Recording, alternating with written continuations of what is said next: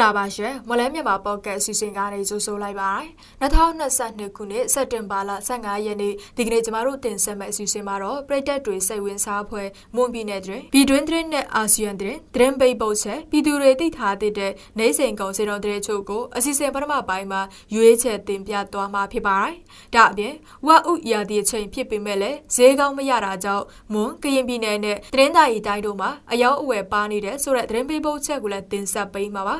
ဟုတ်ကဲ့ပါဒီကနေ့အစီအစဉ်မှုကတော့ကျမမီ i blog ကတာဝန်ယူသွားမှာဖြစ်ပြီးကျမနဲ့အတူကိုခက်မြတ်သူကသတင်းတို့ကိုကူညီဖက်ကြားပေးသွားမှာဖြစ်ပါတယ်။နားဆင်ကြတဲ့ပရိသတ်တွေအားလုံးကိုမင်္ဂလာပါလို့နှုတ်ခွန်းဆက်သပါရစေ။ကျွန်တော်ခက်မြတ်သူကမီ i blog နဲ့အတူသတင်းတွေကိုကူညီတင်ဆက်ပေးသွားမှာပါ။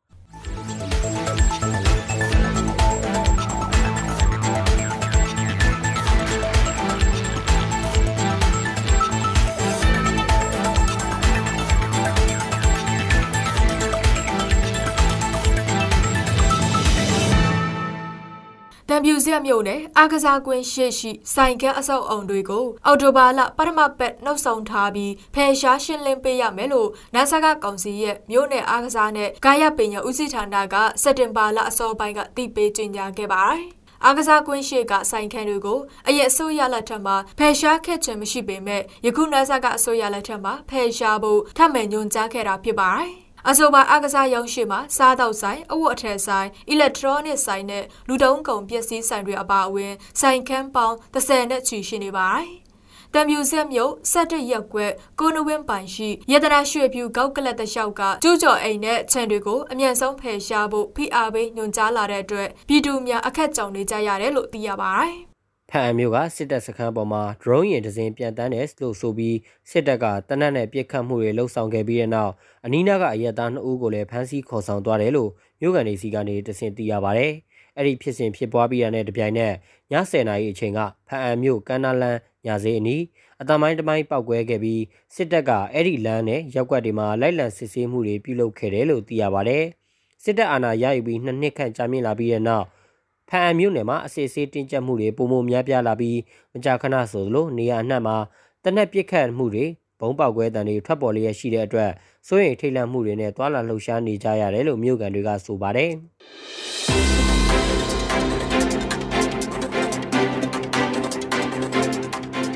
ကျမတို့ရဲ့မလန်းမြန်မာဖောက်ကမြန်မာဘာသာစီစဉ်ကိုအားပေးနားဆင်ကြတဲ့ပရိသတ်များရှင်ကျမတို့အတန်လို့စီစဉ်ကနေပြီးတော့မွန်ပြည်နယ်မှာဖြစ်ပျက်နေတဲ့သတင်းများပြည်တွင်းငင်းချဲရေးဖြစ်စဉ်များပြင် မြန်မာနိုင်ငံတွင်းနဲ့အာဆီယံတွင်းများကိုအပတ်စဉ်တင်လာနေမှတောကြနေများတွင်ည9:00နာရီချိန်တွင် Mon New Agency Facebook စာမျက်နှာတွင်ဝင်ရောက်နားဆင်နိုင်လို့မလဲမြန်မာဖောက်ကစာမျက်နှာတွင်လည်းဝင်ရောက်နားဆင်နိုင်ပါပြီအားပေးကြတဲ့ပရိသတ်များအားလုံးကိုကျေးဇူးတင်ပါတယ်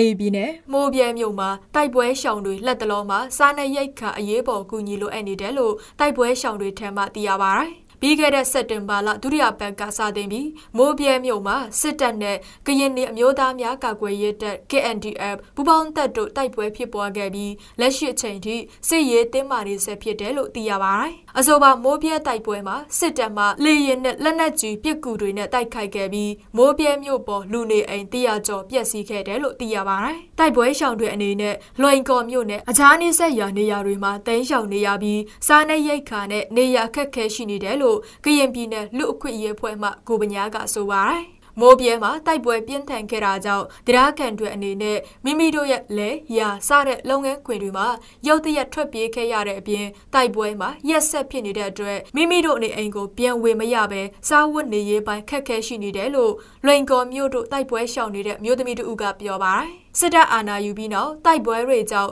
ကရင်ပြည်နယ်မှာတိုက်ပွဲရှောင်လူဦးရေ2သိန်းနီးပါးရှိနေပြီးအရက်သားတေဆုံးမှု300ကျော်ရှိနေတယ်လို့ကရင်ပြည်နယ်လူ့အခွင့်အရေးဖွဲ့မှသိရပါတယ်။နာဆကဖွဲ့တွေအနေနဲ့ယခုသတင်းပတ်အတွင်းရခိုင်ပြည်နယ်အနှံ့ကတပ်စခန်းတွေကိုစစ်သည်လက်နက်ခဲယမ်းစစ်သည်မော်စစ်ကားစစ်ရဟတ်ရင်တွေအပါအဝင်အရက်သုံးရင်မျိုးစုံနဲ့ ကုန်းရည်လေလမ်းကြောင်းတွေကနေဇက်တိုက်အင်အားဖြည့်တင်းနေတဲ့အတွက်ရခိုင်တပ်တော် AA အနေနဲ့ကုန်းလန်းရေလန်းအားလုံးကိုစီရေးအခြေအနေအရရက်တက်စစ်ဆေးသွားမှာဖြစ်တယ်လို့ရခိုင်မျိုးသားအဖွဲ့ချုပ်ကမနေ့ကကြေညာချက်ထုတ်ပြန်လိုက်ပါတယ်။ရခိုင်နဲ့ပလက်ဝဒေသအတွင်းစီရေးတင်းမာနေပြီးတိုက်ပွဲတွေပြင်းထန်လာနေတာနဲ့အတူနောက်ထပ်တိုက်ပွဲတွေကြီးကြီးမားမားနေရာအနှံ့ဖြစ်ပေါ်လာနိုင်တဲ့အတွက်အခုလိုကုန်းလန်းရေလန်းခရီးသွားလာမှုကိုကန့်သက်စစ်ဆေးရတာဖြစ်တယ်လို့လည်းဆိုပါတယ်။ဒါကြောင့်တည်ယူပို့ဆောင်ရေးဆောင်ရွက်နေကြတဲ့ရင်းပိုင်ရှင်တွေအနေနဲ့ ရခိုင်ပြည်သူအစိုးရနဲ့နိုင်ငံရေးယုံအုပ်ချုပ်ရေးယုံနေမီယုံတွေကိုသတင်းပို့ပြီးတွာလာကြဖို့စစ်ဆေးမှုတွေကိုကြီးကြီးပြူပြူခံယူကြဖို့သတင်းမပို့ပဲတွာလာလို့တစုံတရာပြဿနာပေါ်ပေါက်လာခဲ့ရင်တွာလာသူတွေရဲ့တာဝန်သာဖြစ်ကြောင်းတတိပေးချက်မှာဖော်ပြထားပါတယ်။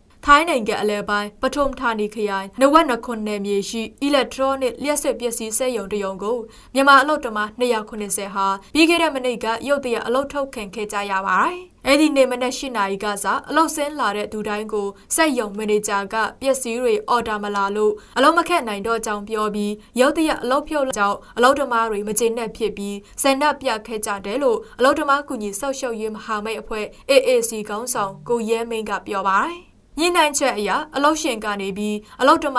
290ဦးစလုံးရဲ့ရတဲ့ရထိုက်တဲ့တလစာလောက်အားကကိုရောကြိုတဲ့အကြောင်းမကြပဲရုတ်တရက်အလုတ်ထုတ်ပစ်လိုက်လို့နစ်နာကျွဲအနေနဲ့15ရက်စာလောက်အားကတွေရောစုစုပေါင်းဘတ်၄တန်းကျော်ကိုပေးဖို့နဲ့အလုတ်တမတွေရဲ့စာရွက်စာတမ်းတက်တဲ့အထောက်ထားဆိုင်ရာကိစ္စတွေလည်းဒီလ19ရက်နေ့အပြီးဆောင်ရွက်ပေးဖို့တဘောတူလိုက်တယ်လို့ဆိုပါတယ် အဆိုပါစက်ရုံမှာမြန်မာနဲ့ထိုင်းလောက်တာရာနဲ့ချီရှိနေပြီးရုတ်တရက်အလုပ်ထုတ်ခံရတဲ့ထဲမှာထိုင်းအလုပ်သမားတွေလည်းပါဝင်ကြောင်းသူတို့လည်းသူတို့အစီအစဉ်နဲ့ညှိနှိုင်းတောင်းဆိုလိုက်မယ်လို့ဆိုပါတယ်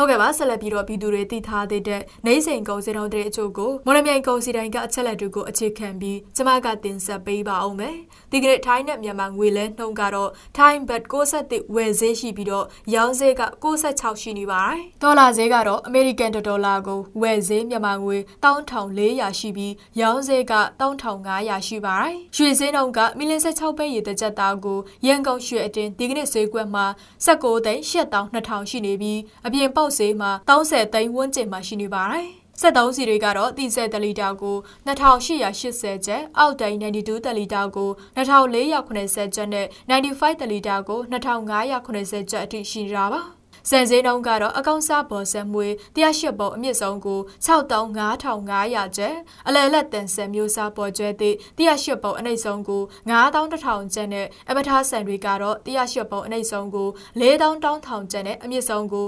48000ကျပ်ရှိနေပါတယ်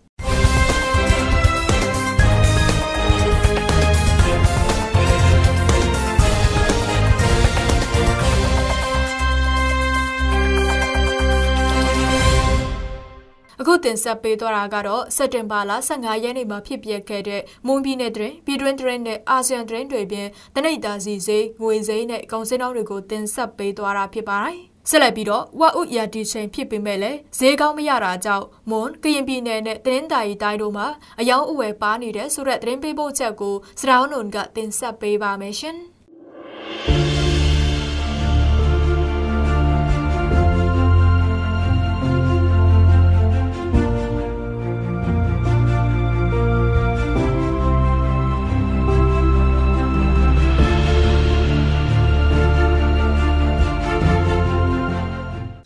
ရာတီချိန်ဖြစ်ပေမဲ့လည်းဈေးကောင်းမရတာကြောင့်မွန်ကရင်ပြည်နယ်နဲ့တနင်္သာရီတိုင်းတွေမှာအယောင်းဝယ်ပါနေတယ်လို့ဝအုပ်အဝယ်တန်းတထန်ကသိရပါတယ်။ လက်ရှိမှာဝအုပ်အစိုးတပိတ်တာကို600ကျပ်ကနေ800ကျပ်ထိတာရရှိနေပြီးတောင်သူတွေကသူ့ဖော်ရုံချရာမှာတွတ်ချင်မကိုက်ပဲဈေးကွက်အခြေအနေကိုစောက်ဆိုင်နေတယ်လို့ရင်းမြွနယ်ရင်ရဲကျေးရွာမှချန်ရှင်ကိုမိုးလွင်ကပြောပါတယ်လပိုးနဲ့တာမဘောကလာညာကိဒိုင်ဘူးကုစနေဝါဥအထက်နဲ့ရွာပဲချမ်းမှာရှိရချက်ဈေးပေးနေတယ်ကျွန်တော်တို့ရွာကဝါဥအထက်များလို့ထင်တယ်600ကျပ်နဲ့ပဲဈေးဖွေထားတယ်ဈေးလည်းနေတယ်ကုန်တယ်တွေလည်းတိတ်မလာသေးဘူး ကုန်တယ်တွေကလည်းခိုးတူးလာတဲ့ဝါဥတွေကိုထိမှလည်းစိုးနေတယ်လေချန်ရှင်တွေက600ချက်နဲ့ဆိုပဲသူမှတူးပြီးမရောင်းနိုင်ဘူးမနစ်ကရာသီစားမှာတော့1000ကျော်လောက်ရှိတယ်အရင်အေးချမ်းနေတဲ့ကာလတုန်းက2000ကျော်တယ်ရာသီကုန်းခန်းကြီးဆို3000လောက်ကျော်တာပေါ့အချို့ကတော့အခုထိထုံမရောင်းကြသေးဘူးကိုမိုးလိန်ကပြောပါတယ်ဒီခိုင်ဘူးထောလုံးလုံး ဝါအုပ်ကိုစီးပွားဖြစ်စိုက်ပျိုးရာမှာပြုစုစရိုက်နေပါပြီးဝင်ငွေအခွေးလန်းကောင်းပေမဲ့လက်ရှိမှာသူ့ဖော်စရိုက်တည်ယူပို့ဆောင်ရေးစရိုက်များပြားလာတာကြောင့်တောင်သူများစုမယုံချသေးဘူးလို့သူကဆက်ပြောပါတယ်။ဝါအုပ်အဆိုင်တွေတတ်ဆင်ပြီးအမှောက်ပြူလောက်ကဂရန်လိုက်ထောက်တွေထောက်ပိုးပြီးတရုတ်နိုင်ငံဘက်ကိုတင်ပို့ရောင်းချခဲ့တဲ့ဈေးကွက်ဟာယခုအခါဝယ်လိုအားမရှိသေးလို့ဝအုပ်အဝဲတိုင်းမိပေါက်ကပြောပါတယ် ဝဘကဘယ်ညစဘယ်စဖွေပွင့်ကနာဘကျမတို့တသေးစီမှာမနစ်ကသူဝဲပြီးအချောက်ခံထားတဲ့ဝဥတီတောင်ကြံသေးတယ်သူစီမှာပိတ်တာတောင်းချီကြနေတယ်လက်ရှိမှာတယောက်တွေလာမဝဲသေးဘူးဟိုမှာပဲစိုက်ဖြူဖြစ်ထွန်းသွားတာလားဆေးများလို့လာမဝဲတာလားတော့တေချာမသိဘူးတိုင်းဒီစော့ကုတ်တညတကြောက်လုံးနေမညာကော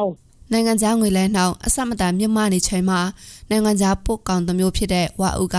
ဈေးနှဲနေတာဟာကုန်သွယ်မှုခက်ခက်ကြောက်တာအယောင်းဝယ်ပါနေတယ်လို့သုံးသပ်မှုတွေလည်းရှိနေပါတယ်။တနင်္ဂနွေလောက်မှာဝါဥဆက်ရောင်၁၈ရောင်ရှိပြီးမွန်ပြည်နယ်အတွင်းမှာရေးမြို့နယ်တောင်းရောင်နဲ့မော်လမြိုင်တရောင်ရှိတယ်လို့သိရပါတယ်။ဝဥကနေစားတောင်းကောင်တွေနဲ့အသစ်စားအသာတုစားကောင်တွေကျယ်လီမျိုးမျိုးခောက်ဆွမ်းမျိုးမျိုးကြောင်မှောက်စားတို့ဝဥမှောက်ဖြစ်တောင်းပြတာလို့သိရပါတယ်။ ဒါပြင်စက်မှုကောင်ကြားနေနဲ့စေထိုးပန်းရိုက်လုပ်ငန်းစာရေးကရိယာတွေမှာအတောင်းပြုတဲ့ကောပြုလောက်တာတွေအလှကောင်ပစ္စည်းတွေမှာမျက်နှာပေါင်းတင်စေကော်ရည်ဖြစ်ပြုလောက်တောင်းဆွတာပြင်စေဝါထောက်လောက်ရမှာလဲတောင်းဝင်တော့ကောင်ကြားမျိုးဖြစ်တယ်လို့သိရပါတယ်ရှင်။